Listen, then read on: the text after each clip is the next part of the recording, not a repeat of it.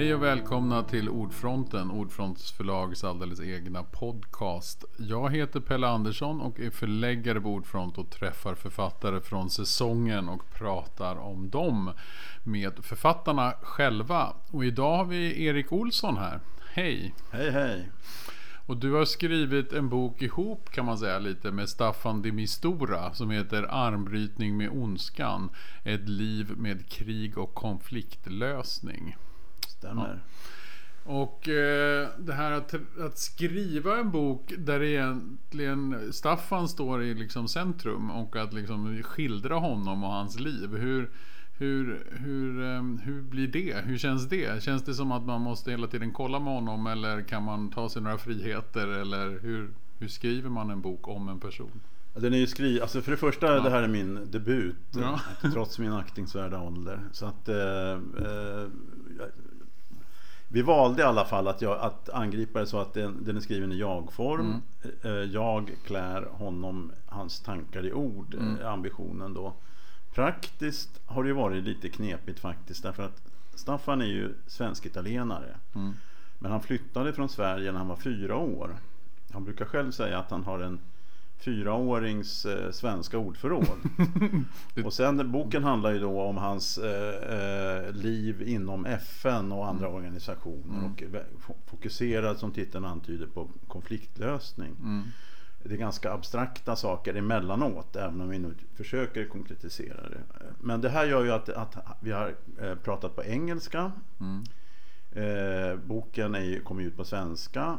Eh, så att jag har ju liksom fått eh, översätta fram och tillbaka om, ni, om du förstår vad jag menar. Ja, precis. Först har du fått på något sätt Ja. intervjua honom på engelska. Sen har du skrivit det på svenska då. Och sen så har du fått översätta det till engelska för att han ska kunna läsa sin... Ja, Ja, eh, de, typ. nej, alltså, jag ska säga den, allra, den, den största delen av, av texterna har, har han gått igenom ganska noga. Mm. Speciellt de som, som rör senare år. Mm. Så det, har ju varit, och det har ju varit ganska tidsödande. Precis. Och det är också det att det- blir väl också känsligt eftersom han är toppdiplomat och att han varit involverad i ganska, ja, ganska svåra konflikter som till, ja, nästan fortsätter. Alltså som Syrienkrisen, som, det var väl då vi uppmärksammade honom som mest. Absolut, och det, var ju, det var ju då du kom på Mm. idén att boken Mm. eh, borde skrivas eller Mm. kunde skrivas. Ja, jag, jag, gjorde ett, eh, jag jobbade ju på Dagens Nyheter och så Mm. gjorde jag ett eh, porträtt av Staffan eh, i 2016 var det, i mars. Precis. Då han var som mest eh, engagerad i Syrien. Han var då sändebud där. Kriget var inne i en väldigt känslig fas Mm. och, och han var väldigt i ropet då så att säga. Och, och då åkte jag ner och träffade honom i Genève. Och sen kom jag ihåg att du mejlade mig och sa att det här, Mm. det här borde, vill man ju veta mer om. Mm. Och, eh, det, så jag frågade Staffan om han var intresserad, vilket han var. Eh, men som du nämnde, då, han, han, då jobbade han inom FN. Han var ganska bakbunden av det. Så vi fick faktiskt lägga projektet på is några år tills han hade lämnat Syrien bakom sig och inte längre var sändebud Mm. för Syrienfrågan för FN. Eh, nu kommer jag inte ihåg vad frågan var. Knappt jag heller. Nej, men, men, Eh, jo, du sa, du, du sa mm. så här att, att det var känsligt. Och Ja. det är det ju. Jag Mm. menar han, han, eh, flera av, han har ju att göra med ganska, eh, om man nu får använda uttrycket fula fiskar i Mm. världspolitiken. Han har träffat al-Assad. Mm. Eh, Som ju fortfarande i allra högsta grad är aktiv, alltså Mm. Syriens president. Eh, Han har haft, varit i närkontakt med Vladimir Putin som ju är beklagligt aktuell i dessa dagar. Mm. Putins vapendragare Sergej Lavrov har han haft väldigt mycket med att göra. Mm. Erdogan, eh, Turkiets president. Alla de här är ju, är ju, dels är de ju ganska lättstötta och dels så är de ju liksom igång, aktiva. Så det här, här har vi fått navigera ganska försiktigt. Eller noggrant i alla fall. Ja, för det Ja. tänker man även USA i högsta grad har ju varit inblandade i de här konflikterna också. Och de är ju fortfarande aktiva i allra jo, högsta Ja, grad på olika oh, sätt. ja, oh, ja. Man får det- inte stöta sig med ju- någon liksom. Det gäller Mm. inte bara autokraterna utan det gäller ju även, även de eh, andra aktörer naturligtvis då som John Kerry, USAs utrikes, förre utrikesminister och, och andra eh, som han haft mycket att göra med. Så att där, där, men sen sj- självklart så är det viktigt att, att alla detaljer blir rätt. Mm. Den, den här boken handlar ju om Eh, det är 30 episoder i Staffans yrkesliv det Mm. handlar om. 30 Precis. case kan man säga då som alla har bäring på konfliktlösning. Mm. Eh, och eh, många av de här man kan ju säga så här att, att Staffan är, han är ju liksom en provkart eller den personifierar de senaste 50 årens konflikter skulle man nog kunna säga Ja, faktiskt. Alltså. Så är det faktiskt. Han har varit i Balkankriget. Han var, eh, var han inblandad, eller alltså försökte lösa ko- konflikter, olika, Mm. eh, de olika eh, eh, riktningar som, som eh, Balkankonflikten tog. Irak, både första och andra Irakkriget. Mm. Eh, Sudan och- Sudan, eh, Et- Etiopien, Somalia, you name it. Han var till och med faktiskt i Mellanöstern men det, Mm. det, det fick inte plats. Han Nej, i men det är finns det ju så här Vietnam och Ja. Cypern. Jajamän. Alltså, det Ja, jo. liksom ja, alltså det, ja, ja, nej, men det går ju tillbaka väldigt långt. Ja. Mm. Eh, hur som helst. Eh, det var ju viktigt för mig då, eh, jag menar, om man nu tänker på läsaren, Mm. inte, inte kommer en ung läsare som kanske inte var född ens när, när eh, eh, Balkankriget började utvecklas. Eller, för den delen när Vietnamkriget eller Cypernkrisen var, var, igång.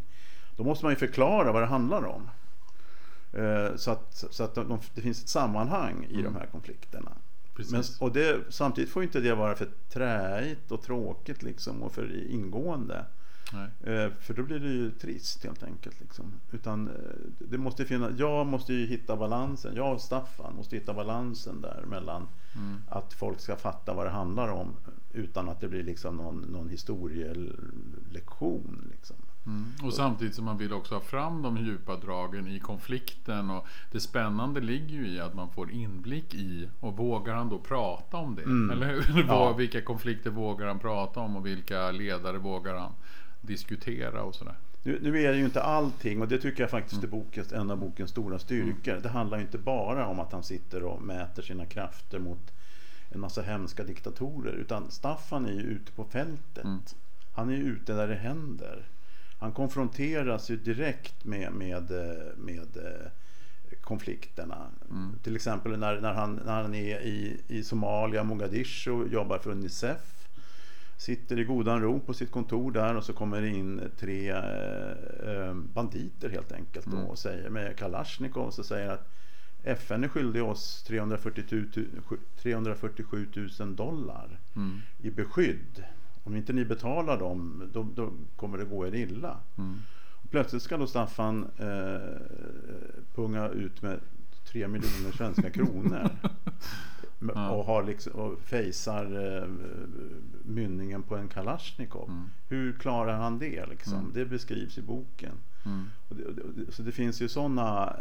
Det, det, som sagt, det tycker jag är det spännande. Att han, att han inte bara sitter i de lufttomma rummen utan att han är ute på fältet. Och det är han ju liksom hela tiden. Alltså Mm. det är ju samma när han ska Han är med och flygbombar med förnödenheter i, på vissa platser. Han försöker ju få, få somalier att äta norska Ja, alltså, fiskkonserver. flygbombar mat ska jag Ja, säga. Alltså flygbombar vete. Och så släpper han själv ut de där jäkla säckarna. ja, liksom. precis. Och, och får eh, tinnitus på kuppen och, och yrsel och grejer. Liksom. Mm. Det är sådana där saker liksom, som, jag, som jag tycker som, har, som gör att det blir kul helt enkelt. Spännande. Ja, för man är mitt i Ja. konflikten och man är ute på fältet. Och Exakt. Varför tror du att det har blivit så att just Staffan är en sån typ av diplomat som också har sökt sig till de där uppdragen? Ja, men alltså, han, är, han är ingen administratör. Eh, det, det, han, han, han, han säger inte själv, men, men jag har förstått det. Av, han, av jag har pratat med folk i hans omgivning och eh, han är en doer. Mm. Han, han är en fixare. Mm. Han, han är en sån som startar upp grejer liksom. eh, Som slår in en kil där det verkar helt hopplöst. Mm. Och, så, och, så, och sen kommer andra pärmbärare efter liksom och, och eh, gör Försöker lappa, till, lappa ihop Ja. det här sen. Det Ja, kan man precis. säga. Ja. Eh, eh, han, är, han är den typen av människa. Mm. Och sen är han eh, Han är ju ganska så respektlös eh, på, på rätt sätt gentemot den stora organisation han jobbar i som Mm. är en koloss, byråkratisk koloss, FN. Han försöker verkligen hitta sätt att, att lösa saker. Eh, hands-on. Mm. Och, inte gå liksom en tjänsteväg som, om det inte behövs. Alltså. Mm. Eh, eh, han, han, är, han, ja, han är en sån, sån eh, ganska otålig person alltså, som vill få se resultat. Och det märker man ju också i boken att han är väldigt eh, också mån om att försöka förklara för oss läsare hur man kan lösa en konflikt och att man kan ta liksom vilka vägar som helst bara för att hitta lösningen. Mm. Eller hur? Alltså han, han är ju väldigt uppfinningsrik när Ja. det kommer till att liksom lösa svåra, alltså när det blir- har knutit sig mellan ledare och sådär. Ja, verkligen. Mm. Och, och i, i, både i stort och smått Mm. eh, gäller det. Och, och, eh, ja, men det finns ju något exempel när han, eh, han ska, FN ska skicka filtar och kläder till, till Sarajevo. Och det är ju ett, eh, Sarajevo är belägrat Mm. av, av Bosnien-serbiska styrkor. Eh, hur sjutton ska de få in de här eh, filtarna? Liksom? Det kommer en kolonn, eh, FN-kolonn som blir stoppad av, av sådana här setnikar, alltså, alltså eh, irreguljära styrkor då som tillhör Bosnien-serberna. Beväpnade naturligtvis. Och, eh, och så blir, fattar de agg mot någon fotograf som är med där. Och, och det är en, en snubbe då som, eh, en av de här setnikarna rusar fram och, och ska liksom konfrontera den här eh, fotografen fysiskt. Och då griper Staffan in. Jag vet inte om jag ska Jo men du kan berätta kan berätta. det för jag tycker det är spännande. Ja, är men då ger han den här killen, killen en snyting. Mm. Alltså fotografen en snyting. Och säger att du har, du har ju betett dig fel. Eh, Jag är ledare. Jag tar, och så vänder han sig till Setniken då och Mm. säger att den här killen tar jag hand om. Han är min liksom. Mm. Och han, då förklarar Staffan det här som att det var det enda sättet att lösa den här konflikten. När, när det kommer en eh, man med Kalashnikov och han hade ju en stor jäkla machete i högsta hugg också. Hur ska jag lösa det här snabbt? Mm. Eh, jag kan inte börja liksom eh, eh, ord hjälper inte här utan det måste till någon handling. Mm. Och det var det han gjorde. Och då ska man ju veta att Staffan inte är någon, han är ju ingen machoman. Han är ju en Nej, mycket förfinad eh, markis Mm. från, med anor från, från italienska adelsätter och så Mm. vidare. Då. Men här tvekade han inte att gå in då och Mm. detta vis. Och det tycker jag säger mycket om hans, hans sätt att angripa saker och ting. Ja, och man förstår också att väldigt mycket av det som man hamnar i när man har med de här typerna av ledare att göra är att man också måste liksom finna sig i situationen. Det finns ju också någon intressant diskussion tycker jag där med, eller han, när han möter Saddam Hussein tror jag det är första Mm. gången. Och Saddam Hussein liksom är rädd för att det ska vara förgiftade papper och sådär. Alltså, man Ja. måste liksom hitta den situationen och lösa den. Och det känns ju också som att Staffan på något sätt gör hela tiden. Alltså Ja. att, att en, en, en diplomatisk konflikt det, det kan hamna, hamna hur som helst och man måste vara lite snabb. Ja, exakt. Mm. Och, och det här är ju sånt som normal, alltså normal, man förstår ju som, som intresserad nyhetskonsument och så här att det, de här mellanhavandena finns. Men de blir ju väldigt sällan beskrivna i detalj. Nej, precis. Och det är det som, som jag tycker också är en styrka med den här boken. Att vi har, eh, Staffan har ju varit inne och besökt de, om man nu får säga så, ondaste människorna på planeten. Och Mm. hur hanterar man eh, hur, ja, hur hanterar man eh, och sitta mitt emot dem och samtidigt ta dem, liksom prata med dem på Ja, allvar. man Alltså, ska ju uppnå någonting. Man Mm. sitter ju inte där för sin egen skull. Utan man Nej. sitter ju där för i all regel är det ju liksom en konflikt eller humanitär situation som måste lösas. Folk svälter, kvinnor våldtas. eh, Ja, någonting, det måste hända något. Mm. Och Staffan, det är den egenskapen Staffan är där. Mm. Och det, det är också det som är intressant med boken. Att för, eftersom han gjorde ju det här när han egentligen var på väg att liksom avsluta sin karriär inom FN. Det var ju det vi alla trodde. Så boken känns ju väldigt öppenhjärtig. Att han vågar prata väldigt fritt. Eller hur? Just det. Mm. Nu har ju Staffan, han är ju, han är ju 75 år. Mm. Vilket ju i och för sig Iggy Pop också är. Men, men, men, så det kanske är ingen ålder. Men, men han, han hoppade ju på ett nytt FN-uppdrag Mm. här i, för bara några månader sedan. Mm. Eh, då han ska är eh, generalsekreterarens personliga sändebud i Västsahara-konflikten Mm. mellan eh, Algeriet och Marocko. Som ju är en, den har ju pågått i evigheters evigheter och är en ohyggligt svårlöst. eh, Det känns nästan som en Israel-Palestina-konflikt som ja, aldrig kommer att ordna fast- sig på något sätt. Fast Men- värre därför Ja. att den, Israel-Palestina där får, den får i alla fall av och till eh, medieuppmärksamhet.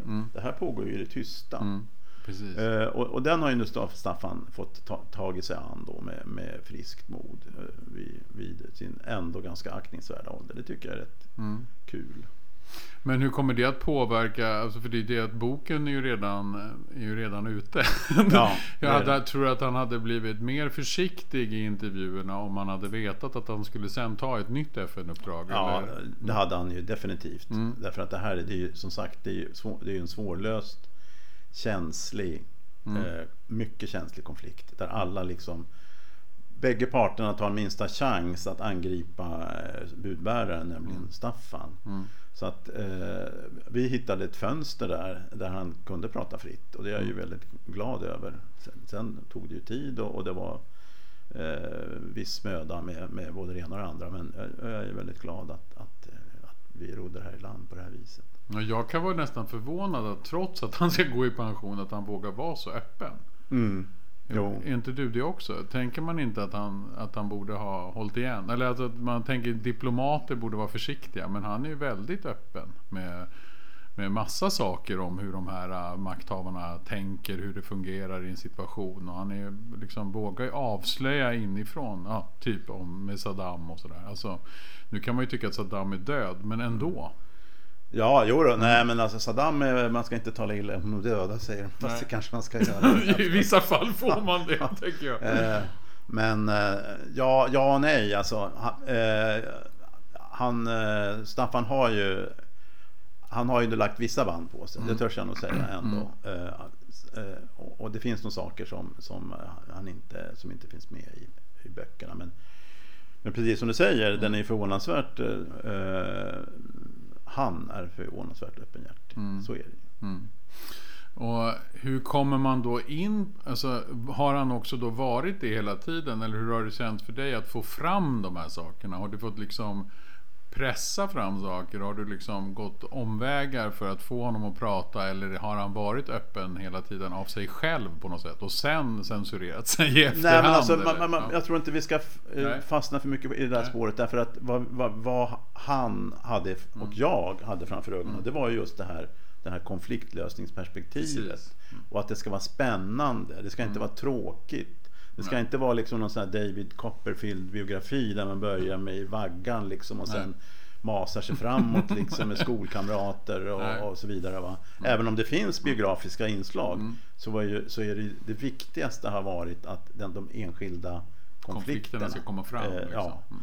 alltså enskilda fallen och sen eh, som, som i sin tur har genererat någon form av konflikt som eh, löses eller inte löses. Det, han tar ju upp misstag också eller, och eh, där han inte har lyckats lösa konflikt. Eh, och, och sen hur, hur han har gått tillväga. Det har, det har funnits framför ögonen i alla de här 30 fallen. Och då har sen har resten kommit på köpet på något vis. Liksom, törs jag säga.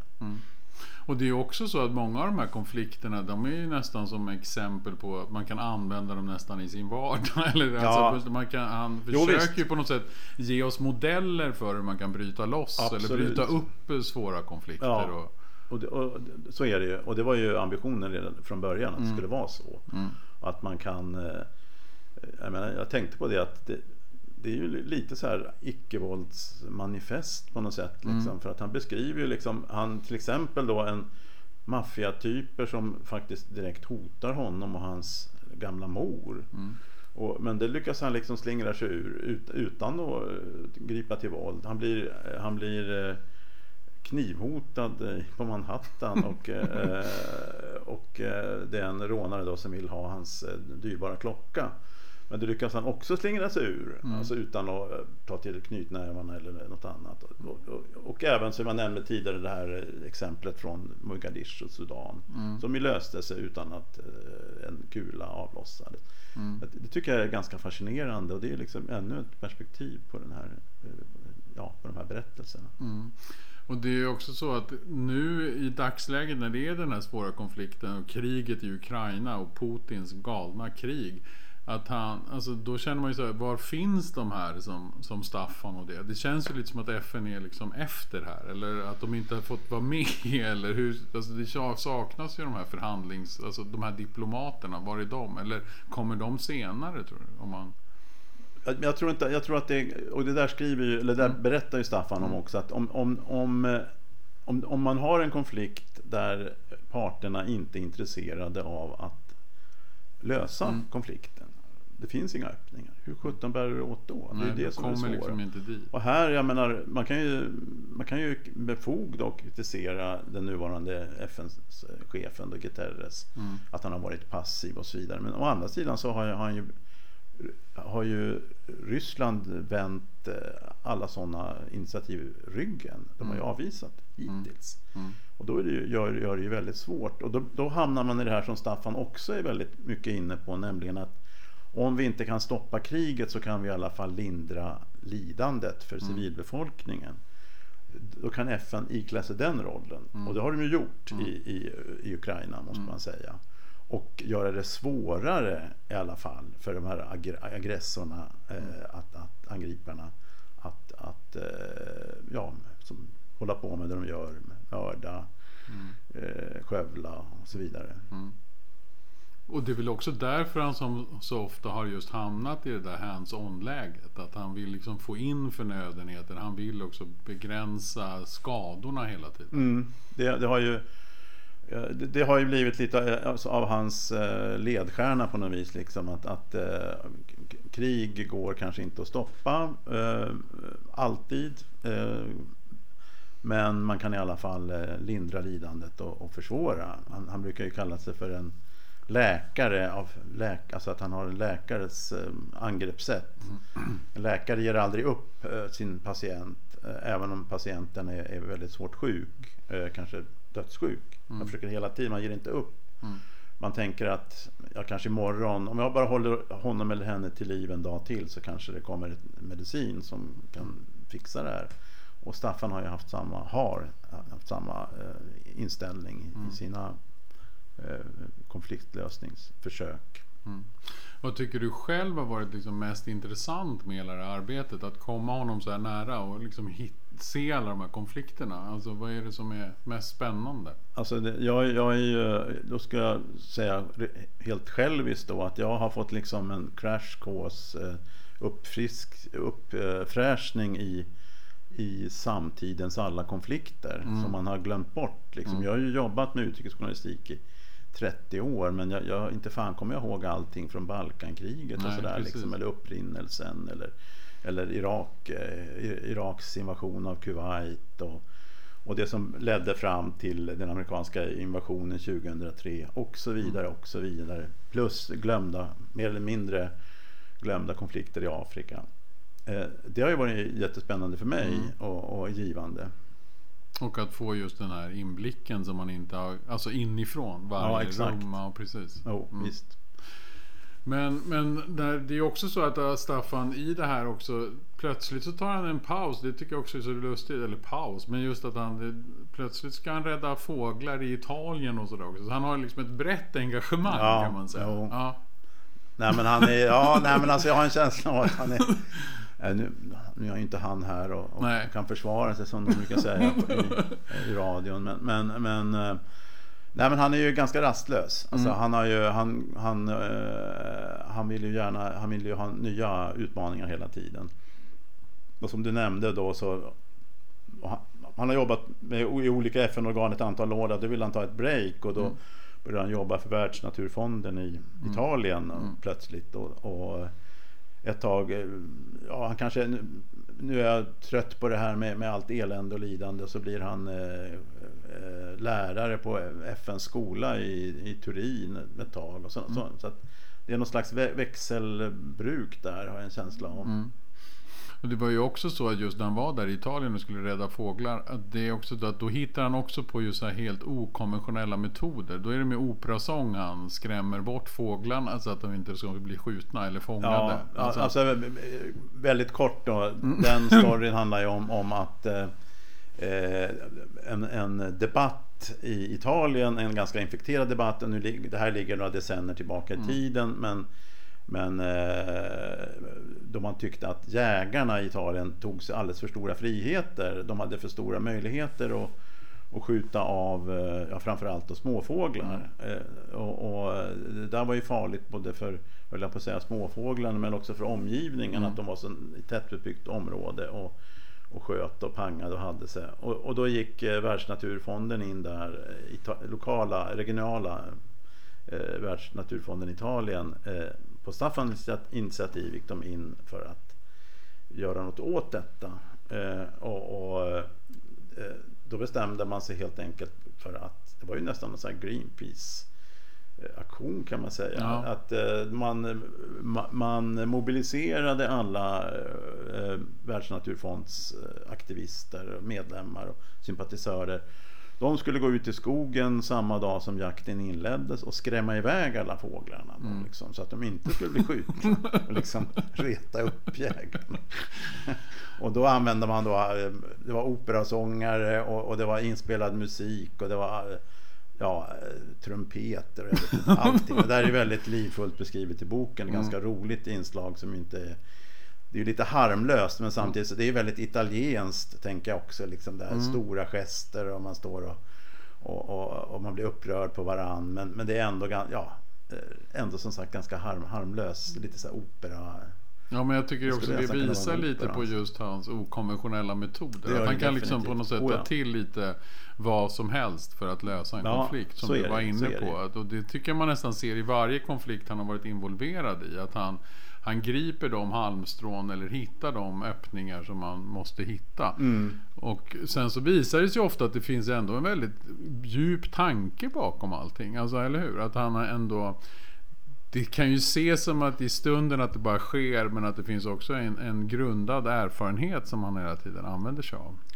Ja, en del är väl kanske efter konstruktionen. Ja. Jag vet inte. Ska vara ärlig. Nej, Nej men visst, visst är det så. Det, det är ju, eh, oh ja. Eh, eh, Och han använder ju sin erfarenhet. Och, och just det här att han har en sån bre, ett sånt brett spe- spektrum då. Mm. Så, så kan han ju ha mycket, och, mycket i ryggsäcken att ta fram. Liksom många verktyg och instrument att att använda sig av. Mm. Så det är ju, det är ju tycker jag, gi- givande. Och det är ju också intressant att han fortfarande är så aktiv tycker jag. Alltså fast boken nu är ute. Alltså det var ju tur att du hittade det här fönstret då. Eller? Ja, jo, precis. Ja. För nu är det liksom nya konflikter som blommar upp och då blir det återigen lite känsligt läge. Men boken finns ju ändå här redan. Mm. ja, nu gör det. Nu är det för sent att ångra sig. Men tror du att det skulle kunna vara så att några av de här äh, världsledarna eller ja, galningarna som vi kanske kallar dem. Att de skulle till och med kunna läsa i boken och försöka hitta något för att slå mot, mot Staffan. Eller mot Eh, FN eller så. Jättesvårt att säga. Mm. Jag menar, eh, det är, ju, det, är ju, det är ju dokumenterat lättstötta män Mm. det handlar om det här. På ett ganska fånigt sätt lättstötta. Mm. Eh, och måna om sin eh, värdighet och sådär. Eh, nu är det ju inte några det är ju inte några jättesmaskiga grejer det handlar om. Utan det är ju mera och det är ju ingenting som, som, är, som, som direkt, vad ska jag säga, diskrediterar Nej, dem. man får mer se han vilka de är, beskriver deras in, interaktioner Mm. och sen får läsaren själv dra slutsatser. Vad det här när Putin nu använder sig av den här metoden, vad, är, är, det, är det liksom eh, fiffigt och smart eller är det lågsint? Eller, Mm. ja, det får man ju själv dra slutsatser av. Man ska, så vi skriver ju inte Nej, läsarna men- på näsan Nej, om, om det, det i de fallen. För det är ju ganska intressant just nu eftersom vi lanserar boken precis nu och det är just den, den här svåra konflikten i Ukraina så blir plötsligt allting återigen superaktuellt. Mm. Så vi fick till exempel flytta alla intervjuer med Staffan förra veckan till den här, nästa vecka. Eller den här veckan till nästa vecka. Mm. så det tyder ju på att det, han är mitt i, i, i världsläge. Eller liksom en aktuell person på något sätt. Ja, ja absolut. Mm. Ja, men det var ju som vi pratade om Mm. tidigare. Att han, han är ju eh, operativ i en, i en, en av världens mest svårlösta konflikter. Mm. Som ju nu inte får något strålkastarljus. Mycket bland Men- annat tack vare eller på grund av eh, kriget i Ukraina. Men, men visst. Han, Han måste ändå tänka sig för nu för han, Ja, ja. exakt vad han säger. Liksom. oh ja, oh ja, så är Mm. det. Så är det. Men vad är det du känner som, är det någonting i boken som man skulle säga det här kom inte med som du skulle vilja ha med? Eller är det så att var det synd att ändå inte det här med Västsahara kunde vara med i boken också? Eller känner du att det blev en väldigt bra bild av honom? Du är liksom... Det är en bra bild men sen mm. var det några, det var några ganska, några ganska kul och bra episoder mm. som vi inte kunde faktakolla tillräckligt. Mm. Och, och då tyckte jag att det var bättre och Jag menar Staffan hade, det, det är ju Det här är ju alltså minnen och hågkomster mm. från ett halvt sekel. Uh, han har ju inte all dokumentation men han har ju minnen. Men mm. det här måste ju stöttas upp av, av eh, faktakoll så att han mindes mm. rätt och så vidare. Och då var det några fall där som vi inte kom så jättelångt även om det var bra historier. Och då fick vi med sorg i hjärtat eh, droppa dem. Mm. Tycker du själv nu då när du har fått liksom skriva en hel bok. Du har ju skrivit hur mycket reportage och artiklar som helst. Hur kändes, hur är skillnaden att sen få liksom skriva en bok och försöka få den här lite längre berättelsen. Även om den är uppdelad kring de här konflikterna. Ja, tack och lov så är den ju uppdelad i 30 avsnitt, mm. Eh, höll jag på att säga, för min del. För, eh, jag, jag, tror det är för läsarens också, att det är en sammanhållen ja, berättelse. Sådär. Mm. Men jag tycker det är jättesvårt alltså. Mm. Jag, jag, tycker det är en stor utmaning och det mm. har, det har varit eh, givande men väldigt energikrävande. Och jag, mm. jag, tror inte jag är någon författare liksom. Utan... Det tycker jag ju att du är faktiskt. Annars hade vi inte gett ut. Ja. Nej men jag tycker det blev en fantastisk bok och det är ju spännande att det är så liksom att han blir på något sätt aktuell och att han är mitt i de här konflikterna. Att vi är mitt i en svår konflikt gör ju att den här boken blir extra intressant att läsa. För man kan ju då ja, börja fundera kring hur ska det här lösas? Jo, men jag vill också tillägga där att mm. även om allting hade varit frid och fröjd. Mm. Eh, Putin hade hållit sig lugn. Mm. Allting hade liksom gått mot en eh, ljusnande framtid så hade det ändå varit väldigt mm. intressant att mm. läsa. Mm. Därför att Staffan som person, han, han, är ju, han gestaltar ju efterkrigstiden. Han är barn till en statslös flykting och, och eh, ja, sådana saker. Alltså, som bakgrunden är ju nu inte liksom den hålls ju inte fram så jättemycket men den finns ju där. Mm. Och den beskriver, beskrivs ju hur hans, hans pappas uppväxt och, och eh, eh, hans mamma. Men hans mamma var ju svensk, mm. eh, pappan eh, som italienare men som så småningom då blev statslös mm. flykting. Mm. Där, så att de, de, jag tycker bara jag känner liksom att hans, hans eh, person, hans story, hans ja. personliga story är, är, gör att boken är intressant. Så det ja, går att läsa på fler, det finns flera lager liksom.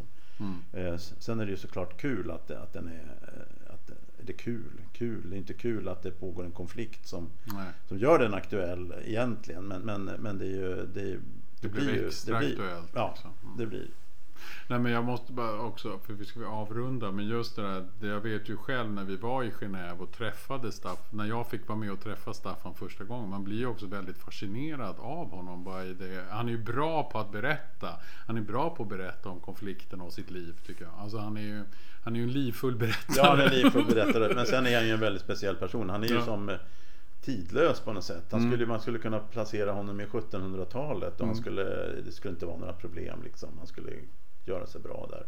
Eller vilket, nästan vilket sekel som helst. Mm. Och det, det är en väldigt, jag har ju lärt känna honom lite grann. Det är mm. väldigt spännande tycker jag. En spännande person. Liksom. Verkligen. Eh, och nu, nu, nu valde vi att inte gå allt för ingående in på, på hans eh, person som sagt var. Men det finns ju där. Det finns mm. ju sådana element också. Ja. Nej, men jag tycker det blev fantastiskt bra just den där balansen och att man liksom får se hans liv genom alla de konflikter som ja, han jo, exakt. Alltså, det, var, det, var ju, det var ju ambitionen också. Att mm. det skulle, skulle liksom smyga sig in jag menar hans eh, privatliv och mm. skilsmässor och, och eh, motgångar och ja, medgångar naturligtvis också. Mm. Men allting. Att det, det också finns med men, men inte eh, ja, som en, ska säga, förhoppningsvis naturlig del mm. i, i, eh, livet är ju inte bara jobb liksom utan det är en massa annat också. Men just i hans fall är det just jobbet som är superintressant. Ja, jo, jo, det är sant. Det är sant.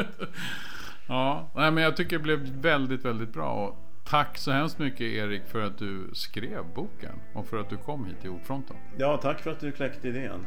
Ja, tack. Vi ses och hörs och Ordfronten kommer tillbaka med nya intervjuer så småningom. Tack och hej. Música